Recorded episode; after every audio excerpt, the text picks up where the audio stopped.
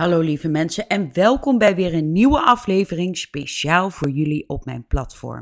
Vandaag gaan we het hebben over de gruwelijke moord op Wil Vogelaar, een 59-jarige man uit Den Hoorn. Voor deze zaak gaan we terug naar 22 januari 2018 naar het Kloosterpad in Den Hoorn. Op deze 22 januari 2018 wordt Wil Vogelaar doodgevonden in zijn woning. Hij had twee messen in zijn rug. De 59-jarige man was vermoord op een gruwelijke wijze. De gezondheid van Wil Vogelaar ging de afgelopen jaren snel achteruit. Hij was verslaafd aan drugs en liep de laatste maanden van zijn leven achter een rollator. Wil had namelijk zijn heup gebroken. Het was wel vaker raken aan het adres van Wil, want een week voor zijn dood bracht de politie nog een bezoekje aan de woning van Wil. Hij was verward door de drugs en hij was zijn eigen woning leeg aan het halen. Maar de politie kon onmogelijk vermoeden dat amper een week later ze een gruwelijke vondst deden in diezelfde woning. Na de vondst van Wil wordt er een groot onderzoek opgestart. Een maand na de moord worden er drie verdachten aangehouden. Vincent Den B. van toen 43 jaar uit Didam, Danielle van H. uit Delft en Gijsbert S van 21 uit Beverwijk. De drie verdachten kenden elkaar uit het verslavingscircuit. Een moord op deze broze man. Wat kan hierachter zitten? En hoe kan dit zo gruwelijk uit de hand zijn gelopen?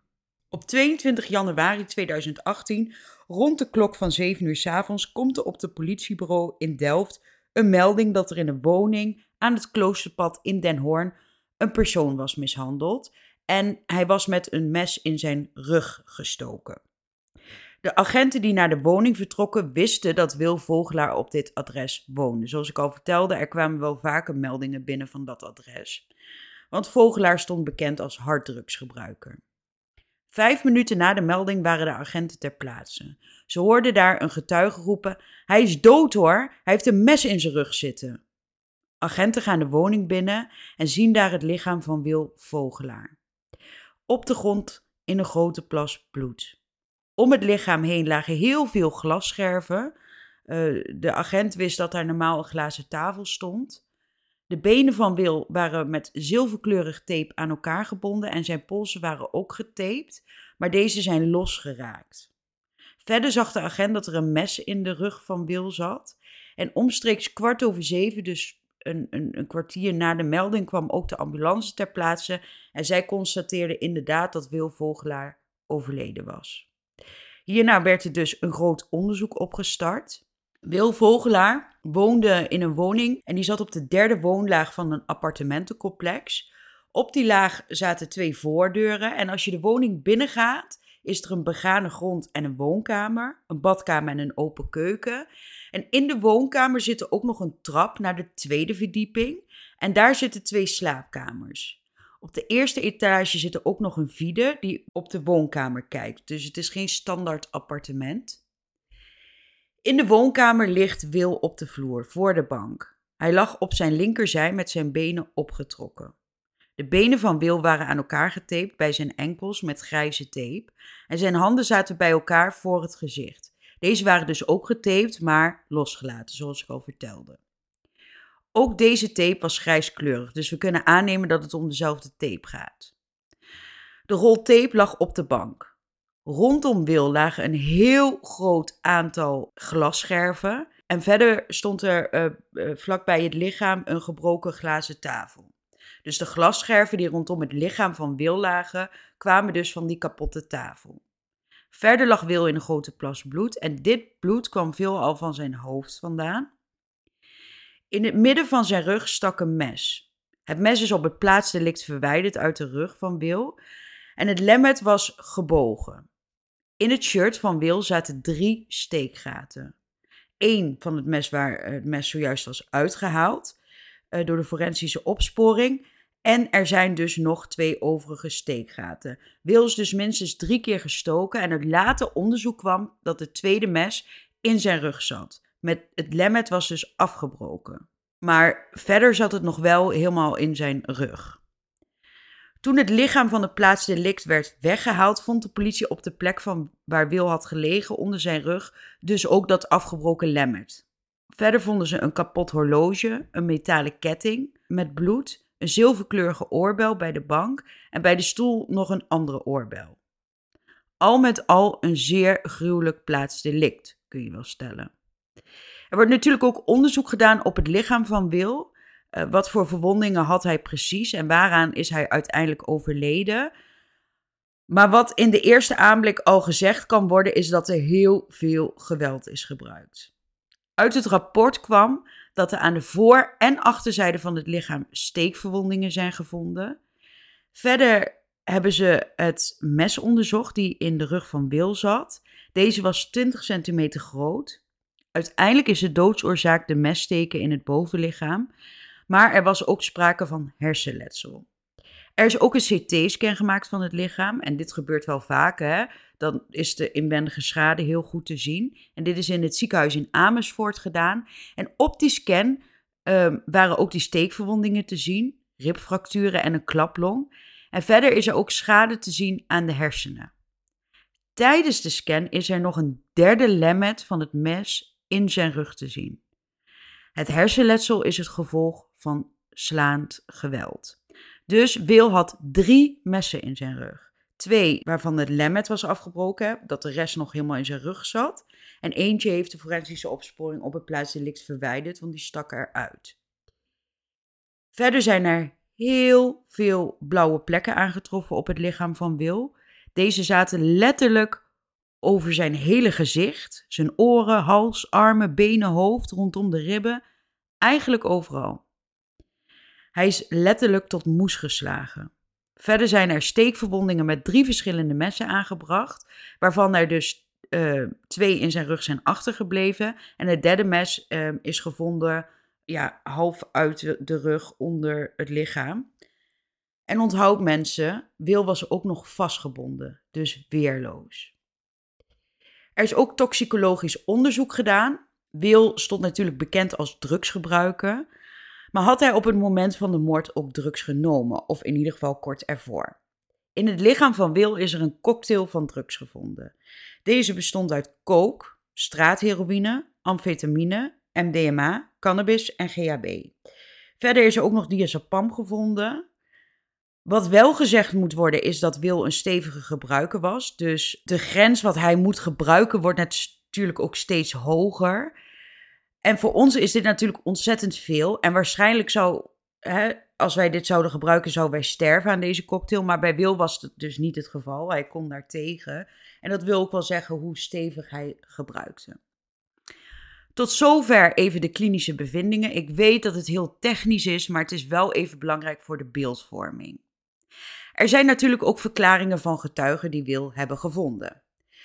Op het moment dat de agenten aankwamen naar de melding, waren er drie personen in de woning. Zij zijn getuigen in het onderzoek en vertellen over Wil en hoe zij hem klaarblijkelijk hebben gevonden.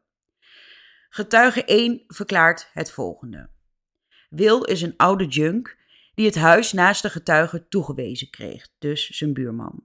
Er kwamen heel veel mensen bij Wil over de vloer en hij handelde wat in speed. Oudere junkies kochten dan wat bij hem. De getuige heeft Wil voor het laatst gezien op 22 januari 2018 rond de klok van 3 uur, want toen kwam hij 5 euro lenen. De getuige heeft Wil toen een tientje gegeven en Wil uh, gaf hem 5 euro terug en binnen een uur zou hij die andere 5 euro teruggeven. Een andere getuige, we noemen deze man getuige 3, was toen bij getuige 1 op bezoek.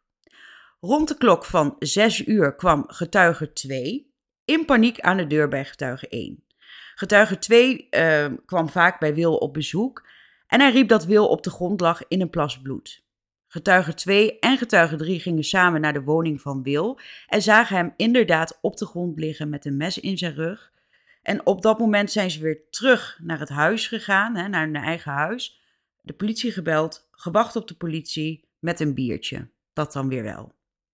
Getuige 2 had met Wil afgesproken op 22 januari 2018. Hij belde Wil uh, die dag en vroeg hoe het met hem ging. En hij zei dat het niet zo goed ging.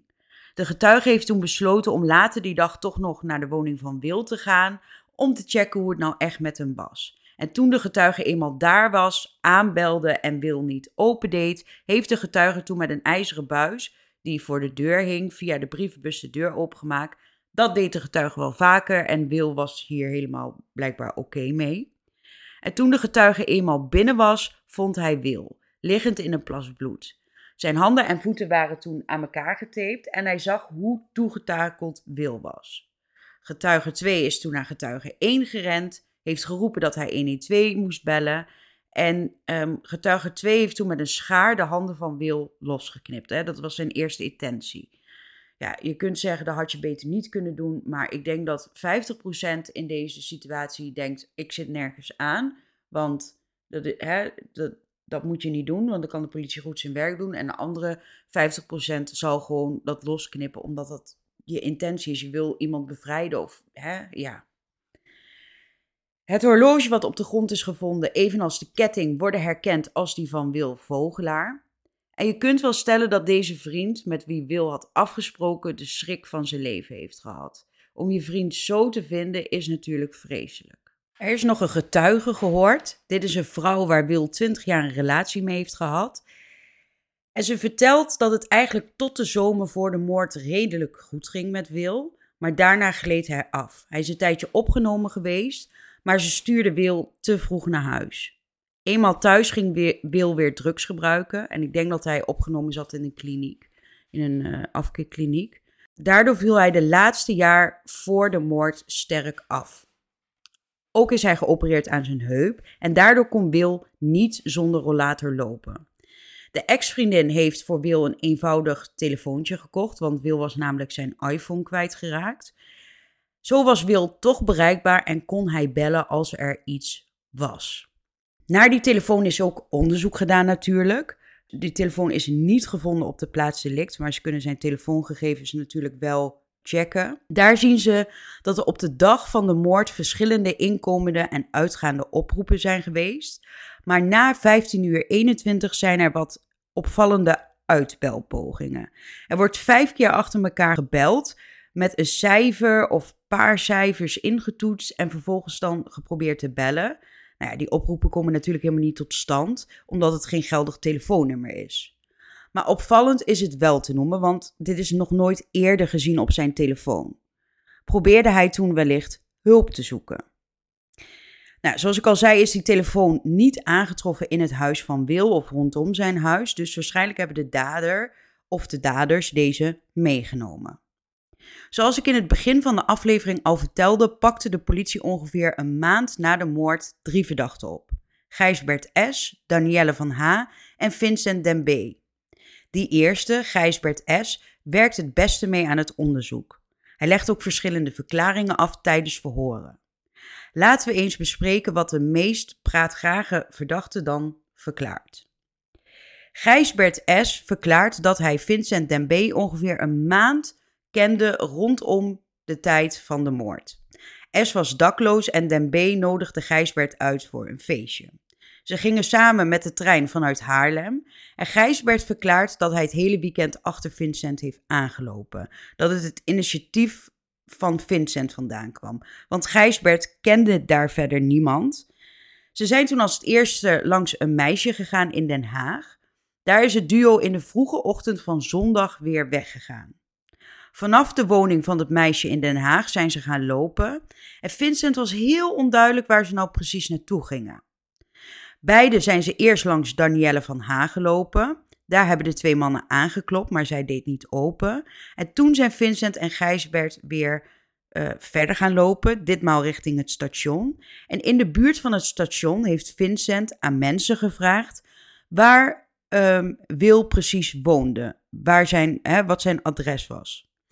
Kennelijk waren daar mensen die dat wisten waar Wil woonde. En de twee hebben uiteindelijk de bus gepakt en zijn richting het huis van Wil Vogelaar gegaan. Nou, Wil deed niet open. Vincent en Gijsbert zijn toen eerst langs een andere jongen gegaan. Daar heeft Vincent op de bank liggen slapen. Ze zijn ook nog even naar een supermarkt gegaan later op de dag. En uiteindelijk belanden Gijsbert en Vincent bij Wil. Ze hebben hier de nacht van 21 op 22 januari 2018 uh, doorgebracht. Gijsbert kende Wil verder niet. Hij stelde zich netjes voor. is toen op de bank gaan zitten van Wil en hij heeft daar naar eigen zeggen de hele nacht gezeten. Er kwamen nog veel meer mensen langs die nacht. En hij had deze mensen netjes allemaal een hand of een box gegeven, want ja, hij kende al die mensen verder niet. Hij kwam daar ook niet vandaan. Um, hij heeft een beetje op zijn telefoon gezeten de hele nacht en uh, zich nergens mee bemoeid. De volgende dag, dus in de vroege ochtend, zijn Gijsbert en Vincent opgehaald bij Wil door Danielle. Er is op een bepaald moment een plan ontstaan om Wil GHB te geven. Het plan is ontstaan bij Danielle in de auto toen zij Gijsbert en Vincent kwam ophalen bij Wil. Vincent en Danielle maakten dit, dit plan in de auto. En het plan startte eigenlijk bij het feit dat Danielle en Vincent erover hadden dat Wil beestkook aan jongeren verkocht. Dat zei Danielle althans. Danielle en Vincent hadden het erover dat Wil een koekje van eigen deeg, uh, dat ze Wil een koekje van eigen deeg wilde geven. En Vincent vroeg of Danielle toevallig nog GHB in huis had. een hele normale vraag. Heb je nog GHB in huis? Ja, dat heb ik. Nou, op een bepaald moment zijn ze vanaf het huis van Danielle met z'n drieën weer in de auto gestapt en hebben ze ergens drie flesjes Vlugel gehaald. Vincent heeft een flesje voor de helft leeg gedronken en toen hebben Vincent en Danielle uh, GHB vanuit een glas in een flesje Vlugel gegoten uh, om het flesje weer vol te maken en vervolgens het flesje weer dicht te doen. Dit moest dan op vlugel, vlugel lijken, maar in werkelijkheid was het half vlugel, half GHB. En dit zouden ze Wil dan geven om een beetje verdwaasd te worden. Zodat hij een beetje de weg kwijt zou raken. Want Wil was een stevige drugsgebruiker, dus met alleen GHB redden ze het niet. Danielle vertelde dat Wil vaker kook en GHB aan kinderen gaf. En daar was ze klaarblijkelijk heel erg boos over. Ook de tv, die in het huis van Wil hing, wilde Danielle terug. Want blijkbaar had zij deze geleend aan Wil. Maar ja, dat was nu klaar, want ze wilde dat ding gewoon terug, want ze wilde dat ding bovenop op haar eigen slaapkamer hebben. Gijsbert verklaart dat hij kon merken dat Danielle eigenlijk heel kwaad was op Wil en dat daardoor Vincent ook weer boos werd op Wil. Gijsbert vraagt zich tijdens de verhoren dan ook hardop af of dit de intentie ook was van Danielle. De intentie om Vincent te triggeren. Dat hij ook boos zou worden op Wil, omdat Danielle zelf een hekel aan Wil had. Want, want zo zegt Gijsbert, de nacht uh, dat, dat Gijsbert en Vincent bij Wil waren, was er helemaal niks aan de hand tussen Vincent en Wil. En ging het allemaal gemoedelijk en geen veldje aan de lucht. Maar ja, Danielle heeft eigenlijk de hele boel een beetje opgenaaid. Het drietal ging weer terug naar het huis van Wil. Ze klopte aan bij Wil, hij deed open en eigenlijk verliep alles normaal in het begin. Wil was alleen thuis. Gijsbert, Vincent en Danielle zijn naar binnen gegaan. Ze gaven Wil het flesje Vlugel met GHB en de andere twee dronken. Um, de andere twee flesjes gingen naar Vincent en Danielle. Nou, daar zat gewoon Vlugel in. En ze deden alsof ze samen een shotje Vlugel dronken. In de eerste instantie was er niets aan de hand, hoewel wilde GHB wel proefde, vond hij het niet vies. Vincent stond op en ging naar de wc. Hij moest zogezegd plassen, maar toen riep Vincent Gijsbert. Vincent zei tegen Gijsbert dat het te lang duurde voordat er wat gebeurde bij Wil. En daarna zei hij, zei hij letterlijk: Ik ga hem de kanker inslaan. Gijsbert is toen weer terug de woonkamer ingelopen. Hij ging weer zitten op een stoel en Danielle zat op een andere stoel en Wiel liep een beetje door de huiskamer heen. Net of hij wat aan het zoeken was. Danielle heeft toen de tv losgekoppeld en deze zette ze vervolgens in de deuropening, want die tv moest mee, want deze was van haar.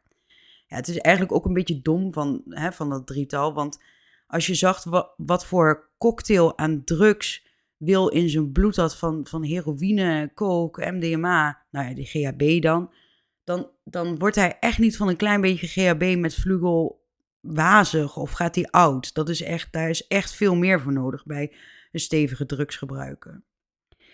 Op een bepaald moment kwam Wil enigszins uit zijn roes. Vincent hoorde dat en riep ineens boos naar Wil of hij hem knock-out moest trappen. Vincent stond op de vierde en gooide een hamer naar beneden, waardoor de glazen tafel kapot ging. En Gijsbert is toen naar eigen zeggen naar buiten gegaan. Maar Danielle stond op dat punt bij de deur en zei tegen Gijsbert dat hij terug naar binnen moest komen. Nou, hij heeft toen gedaan wat er gevraagd werd van hem. en heeft Wil toen een trap tegen zijn hoofd gegeven. Volgens eigen verklaring was dit niet hard. Daarna kwam Vincent naar beneden en heeft Wil verder getrapt. Wil was op dat moment nog bij bewustzijn.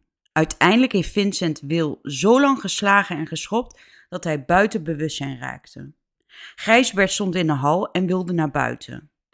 Hij moest ook die tv meenemen en Danielle heeft het hele huis doorzocht van Wil. Uiteindelijk hebben ze de deur op slot gedraaid en zijn ze met z'n drieën terug naar het huis van Danielle gegaan. Gijsbert heeft de tv op haar slaapkamer gezet, want dat wilde Danielle heel graag. Ja, je zou nou denken dat er een eind komt aan het verhaal. Oké, ze hebben die man een lesje geleerd, hij ligt buiten Westen op de grond. Dat lijkt me dat je dan maakt dat je wegkomt en vooral niet meer teruggaat. Want stel dat iemand Wil in die tussentijd gevonden heeft. Maar het drietal besluit nog even terug te gaan naar de woning, want Vincent wilde namelijk de portemonnee van Wil hebben. Ook de telefoon wilde hij graag hebben. Als ze weer in de woning van Wil zijn, zegt Vincent tegen Gijsbert dat hij Wil moest tapen rond zijn handen en voeten. Het was volgens Gijsbert geen vraag, meer een order. De tape was voor als Wil bij zou komen. Dan kon hij niet weg, nog hulp inschakelen. Uiteindelijk heeft het drietal uit de woning een telefoon, sleutels en een tv meegenomen. En dan gaan ze weer voor de tweede keer weg. Ze zaten in de auto, net onderweg, zo'n 100 meter van het huis van Wil vandaan. Toen moesten ze van Vincent ineens omdraaien, want Wil moest dood. Want zo kon hij niet praten en vertellen wie er achter deze daad zat. Danielle reed om, keerde om en zei: Doe het snel. Zij bleef bij het derde bezoek in de auto zitten. Dit deed ze omdat ze dan zo snel mogelijk weg kon rijden als het eenmaal gebeurd was. Ze bleef in de auto zitten met een draaiende motor. Ze gaf nog wel mee dat, dat ze de tape moesten verwijderen, dit in verband met vingerafdrukken. Gijsbert moest met Vincent mee, maar Gijsbert gaf aan dat hij eigenlijk helemaal niet mee wilde. Maar ik denk dat Vincent hier weinig boodschap aan had, want ze liepen door naar de woning en Gijsbert is meegelopen tot aan de woonkamer vlak bij de keuken en Wil lag nog steeds op de grond. Vincent deed zijn handschoenen aan en liep richting Wil. Hij had meerdere messen bij zich. Gijsbert gaf nogmaals aan dat hij hier niet bij wilde zijn. Toen mocht hij van Vincent wachten voor de deur. Toen Gijsbert de woning uitliep, hoorde hij gekreun van Wil. Echter wachtte Gijsbert niet voor de deur. Hij is de twee trappen afgelopen en op een bloempot gaan zitten. Hij stak een sigaret op en toen kwam eigenlijk Vincent ook alweer naar beneden. Want de klus was geklaard. Ze liepen naar de auto en Vincent vertelde dat Wil niet dood was te krijgen. Hij vertelde dat hij drie messen had gebruikt. En dat hij die messen eigenlijk niet diep genoeg erin kreeg en dat hij ze erin moest trappen. Verder vertelde Vincent dat hij er bijna geil van werd dat hij hem had neergestoken en uh, dat hij er helemaal opgevonden van was, dat hij het leuk vond. Al dus de verklaring van Gijsbert. Vincent heeft dit later in bijzijn van Gijsbert en andere getuigen nogmaals verteld. En na de moord is het drietal naar de woning van Danielle gereden en onderweg hebben ze wat spullen van Wil gedumpt, waaronder zijn telefoon en huissleutels. Dit heeft Gijsbert in opdracht van Vincent gedaan. De rechtbank zegt over de betrouwbaarheid van de verklaring van Gijsbert het volgende. Gijsbert heeft in de kern steeds dezelfde verklaring afgelegd. Soms was het iets anders, maar de belangrijkste details bleef hij constant heel uh, consistent in. Ook heeft Gijsbert daderinformatie gegeven. Dit zijn onderzoeksresultaten en verklaringen die op dat moment nog niet voorhanden waren of alleen iemand kon weten die erbij was. Ook zijn de verklaringen die hij uh, heeft afgelegd voor hemzelf belastend. En het is niet zo dat hij zichzelf buitenschot liet of dat hij uh, erbij stond en ernaar keek. Want hij heeft zelf ook toegegeven dat hij daadwerkelijk uh, getrapt heeft. Dan zijn er ook nog verklaringen van Danielle. Danielle kende Wil en zij verklaart in de eerste instantie dat zij uh, twee weken voor de moord voor het laatst bij Wil is geweest. En de twee kenden elkaar vanuit de afkikkliniek.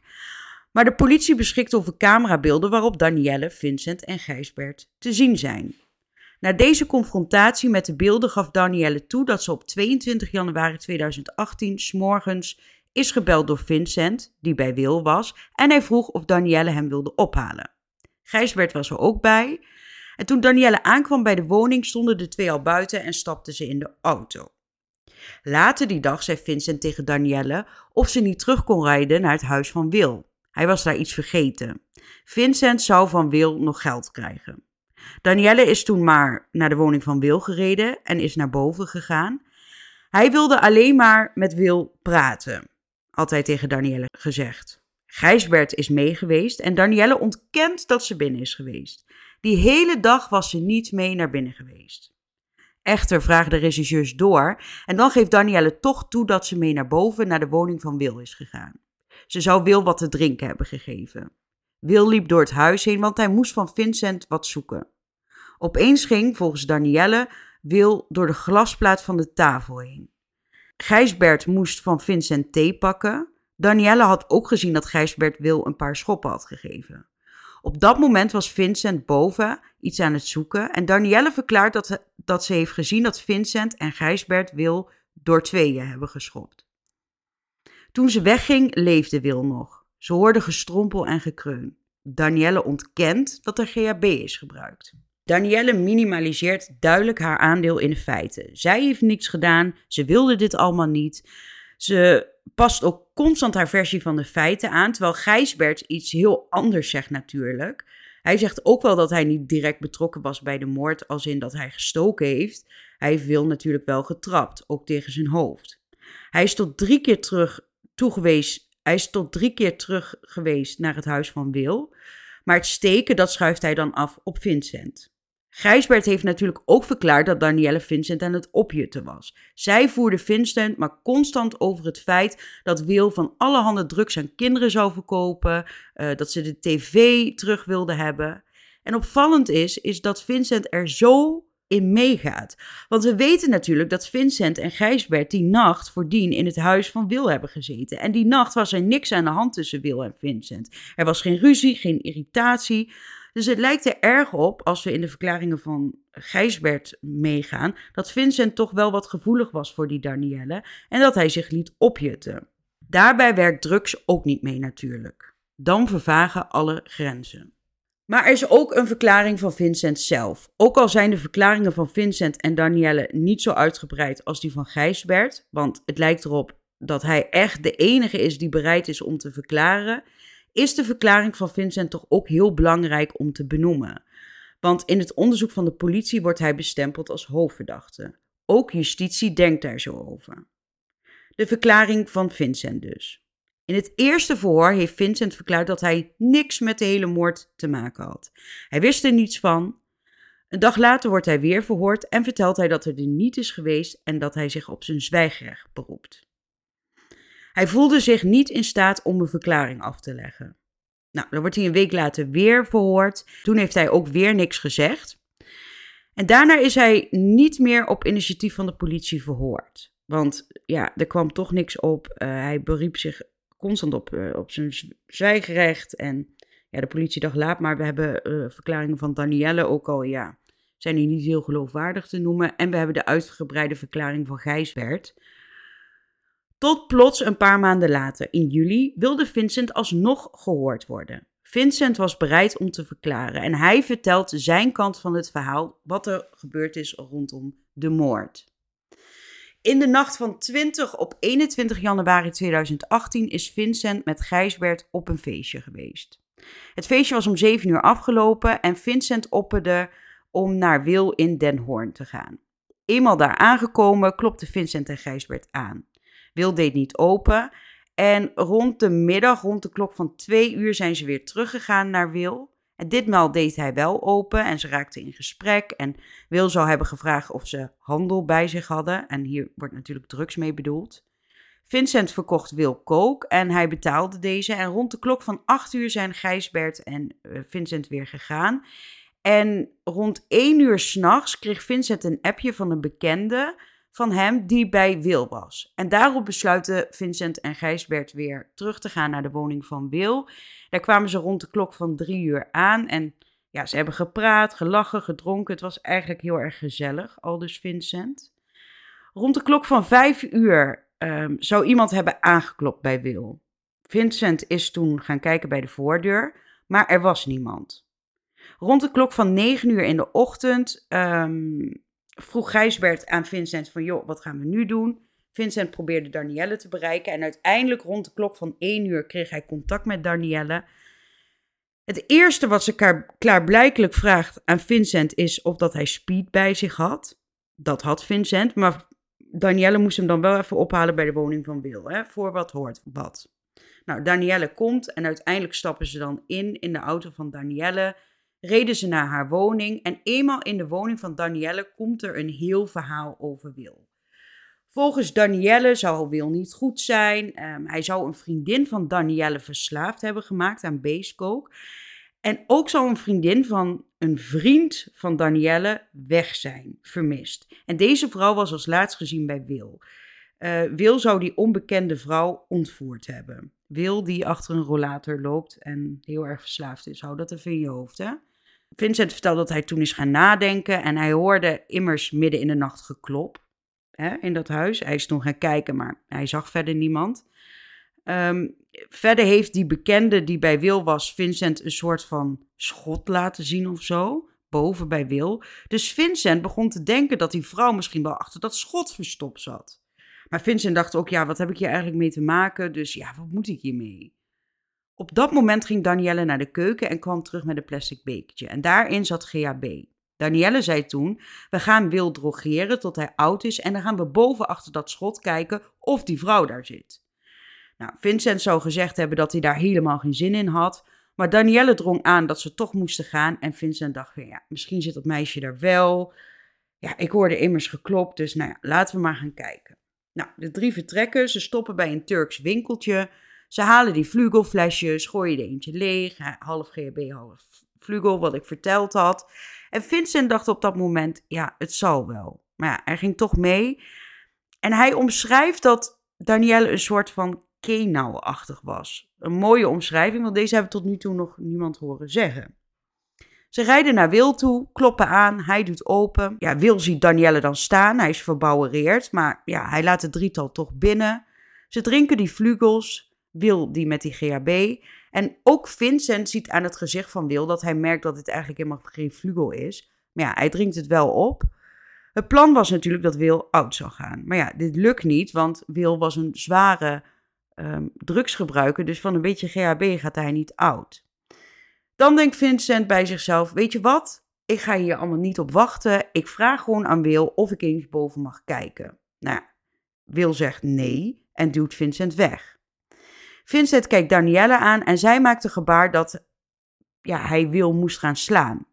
Dat doet Vincent en Wil valt naast het glazen tafeltje.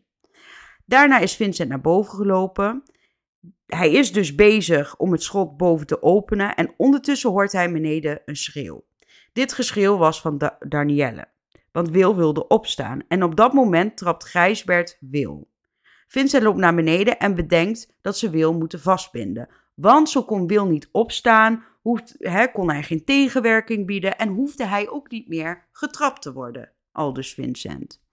Nou, in de eerste instantie wilde Wil in de eerste instantie wilde hij Wil provisorisch vastbinden met vuilniszakken, maar ineens had Gijsbert ducttape in zijn handen.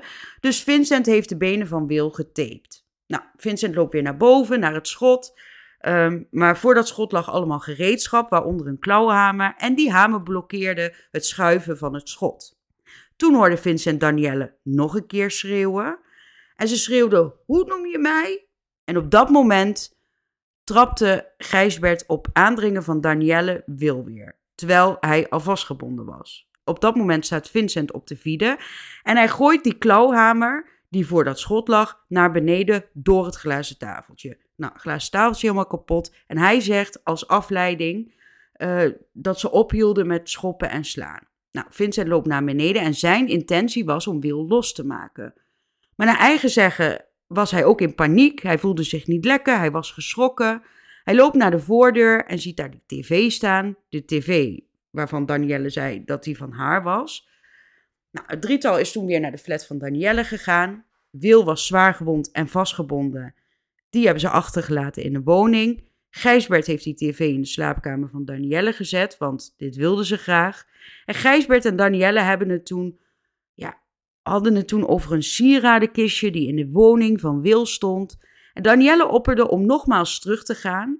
En Vincent wilde naar eigen zeggen helemaal niet mee. Maar Danielle had een pressiemiddel. Want ik vertelde al dat Danielle Gijsbert en Vincent wilden ophalen als ze speed zou krijgen. Nou, Vincent had speed bij zich, die heeft hij ook gegeven aan Danielle, maar zij moest nog wel de 50 euro betalen. Dat had ze niet gedaan. En toen Vincent naar eigen zeggen een tweede keer niet mee wilde gaan naar dat huis van Wil, zei Danielle dat hij wel mee moest gaan, anders zou hij zijn 50 euro niet krijgen. Vincent wilde toen eigenlijk dat duct tape losmaken, want hij vond het lullig. Maar Vincent zegt: Hoe wil je überhaupt binnenkomen? Wil ligt vastgebonden op de grond, die gaat de deur niet open doen. Maar Danielle haalde toen de huissleutels van de woning van Wil uit haar zak. Dus een half uur later gaat het drietal weer terug naar de woning van Wil. Danielle zei dat ze beneden bleef staan, ehm, dat ze niet meeging naar de woning van Wil. Gijsbert en Vincent stappen uit. Vincent zegt tegen Gijsbert dat hij zich niet lekker voelt. Ehm, dat hij wel mee wil lopen naar boven, maar dat hij niet mee wil naar binnen. Dat hij even gaat zitten. En dat Gijsbert alvast naar binnen kan gaan om dat sieradenkistje te zoeken. Maar toen Vincent voor die woning zat, hoorde hij allerlei geluid, gestommel, gerommel. Dus hij denkt: wat is dit? Hij loopt naar binnen en hij ziet dat Wil op zijn zij ligt met een mes in zijn rug. Nou, Vincent kijkt of Wil nog ademt, maar dat was niet het geval. En Vincent is toen naar buiten gegaan in paniek. Eenmaal in de auto wordt Vincent helemaal boos op Danielle. Hij zegt dat Danielle de hele boel uh, heeft zitten opjutten. Uh, dat Gijsbert helemaal door Dolle heen was, door Danielle. En rond de klok van half zeven zijn Gijsbert en Vincent uiteindelijk weer richting station gelopen. Uiteindelijk is dit nog wel een hele uitgebreide verklaring van Vincent, maar ja, wat zegt de rechtbank hierover? Nou, de rechtbank zegt, Vincent um, die doet zich voor alsof hij niet direct verantwoordelijk is voor de dood van Wil. Ook wilde hij steeds een soort van redden, als in duct tape losmaken, de hamer naar beneden gooien voor afleiding. Dat hij ineens binnenkwam en Wil al met messen in zijn rug in de kamer lag. De rechtbank zegt over deze verklaringen van Vincent um, ja, dat ze wel mee kunnen genomen worden in hè, de hele rechtszaak. Maar er moet wel voorzichtig mee omgegaan worden. Want de betrouwbaarheid, ja, dat, op sommige punten komen ze wel overeen, maar op heel veel punten ook niet. Nou, uiteindelijk zegt de rechtbank dat de verklaring van Gijsbert toch het meest aannemelijk is. En um, daar wordt Vincent dus ook als, als hoofddader um, aangewezen, als degene die gestoken heeft. Wel of niet opgejuurd door Danielle, dat maakt voor nu even niet uit.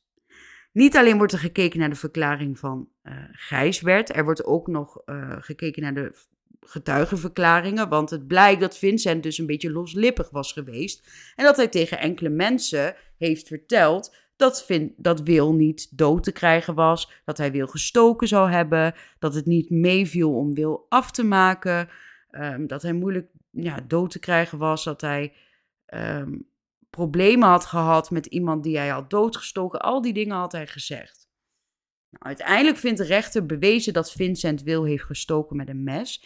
Wat betreft de voorbedachte raad zegt de rechter dat het bewezen is dat Vincent gehandeld heeft naar kalm beraad. Dus voorbedachte raad, moord dus. Dat dit omdat Vincent voor een derde keer is teruggegaan om, um, omdat Wil dood moest. Er was volgens er was voldoende tijd die dag om zich te bedenken. Dus daarom zegt de rechter: ja, moord is gewoon bewezen. Vincent is dus de hoofdverdachte in de zaak, de moordenaar. Hij heeft gestoken, maar dan moeten we ook nog even kijken naar de mededaders, Danielle en Gijsbert. Even heel technisch gesproken kan mededaderschap aangerekend worden als er voldoende nauwe en bewuste samenwerking tussen de betrokkenen is. Het gaat dan om de samenwerking en niet zozeer wie wat gedaan heeft. Het staat voor de rechter vast dat Vincent in de auto zijn voornemen om Wil om het leven te brengen kenbaar heeft gemaakt. Nou, in die auto zaten dus ook Danielle en Gijsbert. En zij hebben dit natuurlijk gehoord. Voor Danielle geldt dat ze de auto op dat moment heeft omgekeerd. Dat ze terug is gegaan naar de woning van Wil. En dat ze met draaiende motor in de auto is blijven wachten. Totdat ze weer terugkwamen uit de woning, hè, totdat ze Wil vermoord hadden. En dat ze snel mogelijk weg konden. Ze zijn na de moord samen weer weggereden um, met z'n drieën. En onderweg hebben ze ook nog wat spullen van Wil gedumpt. Gijsbert is met Vincent meegegaan in de woning. Hij wist wat daar gebeurde of hij heeft het gezien. Maar dit is niet genoeg voor de rechtbank. Zij kan Danielle en Gijsbert niet medeplichtig maken aan moord. Maar dat betekent natuurlijk niet dat ze zonder straf wegkomen. Maar daar kom ik later op terug. Uiteindelijk wordt Vincent veroordeeld voor diefstal met geweld met meerdere personen, medeplegen van mishandeling, medeplegen van opzettelijk iemand wederrechtelijk van vrijheid beroven en moord. En dat is een flink pakketje met bewezen verklaringen. Dan kijken we even in het hoofd van de verdachte, van Vincent dus. Hoe staat het ervoor met zijn psyche? En natuurlijk, wat is zijn gerechtelijke verleden? Heeft hij een strafblad? Nou, dat had Vincent, want hij is meermalen veroordeeld voor vermogens- en geweldsdelicten. Nou, het is geen onbeschreven blad. Er is destijds voor zijn veroordeling ook een persoonlijkheidsonderzoek gedaan. En in dit rapport staat dat hij lijdt aan persoonlijkheidsstoornissen, dat hij een verstandelijke beperking heeft, hè, dat hij functioneert op een zwak begaafd niveau. Verder had hij kenmerken van ADHD en had hij een ernstig alcohol- en drugsverslaving. Maar dit rapport dateert uit 2014 en uit een hele andere strafzaak. Nu, voor deze rechtszaak moet Vincent weer onderzocht worden, maar hij weigert dit dit keer. Vincent weigert een gesprek met psychologen en psychiater, maar hij weigert ook tot twee keer toe een observatie in het Pieter Baan Centrum. Er is nog wel twee keer een verzoek gedaan bij de rechter om dit af te dwingen, maar de rechter zegt, ja, weet je, dat heeft helemaal geen zin, want hij gaat toch niet meewerken. Het gevolg hiervan is, is dat de rechtbank niet kan oordelen over zijn psychische toestand en de invloed van die het had op zijn daden.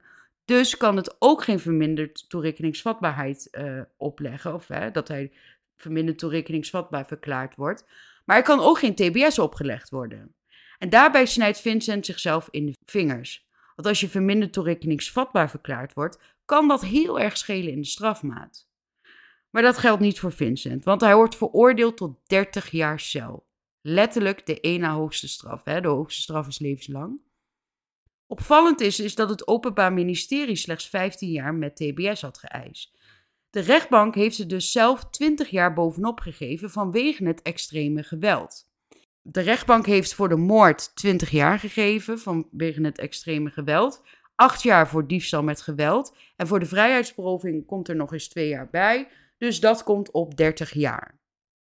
Danielle kreeg 15 jaar cel uh, voor diefstal met geweld en toch medeplichtigheid aan moord. Uh, zij heeft haar medeverdachte opgestookt tegen Wil met de bedoeling om haar tv terug te krijgen. Zij is mede verantwoordelijk voor het geweld, ook al heeft ze er zelf niet aan deelgenomen. Ze is wel behulpzaam geweest bij het plegen van de moord. Gijsbert krijgt vier jaar cel voor diefstal met geweldpleging en wederrechtelijke vrijheidsberoving. Hij is vrijgesproken van zijn deelname aan moord. Zijn feit was volgens de rechter kleiner dan de andere verdachten en zijn jonge leeftijd telt ook mee. Hij is als enigste bereid geweest om mee te werken aan het onderzoek en heeft als enige daarmee verantwoordelijkheid genomen. Daarom slechts die vier jaar. Maar er komt een hoger beroep. Uh, wel te verstaan tegen Danielle en Vincent. Gijsbert gaat niet in hoger beroep. En van de justitiekant wordt er ook niet tegen, wordt tegen hem ook geen hoger beroep ingesteld. En die uitspraak is wel mindblowing, moet ik je zeggen. Ik denk dat iedereen die deze zaak hoort, zich kan vinden in de straffen. Hè, in eerste aanleg. Natuurlijk zijn de straffen voor de nabestaanden nooit genoeg. Maar wij staan er iets verder vanaf en dan kunnen we zeggen, nou, 13, 30 jaar 15 jaar en 4 jaar, oké, dat is goed.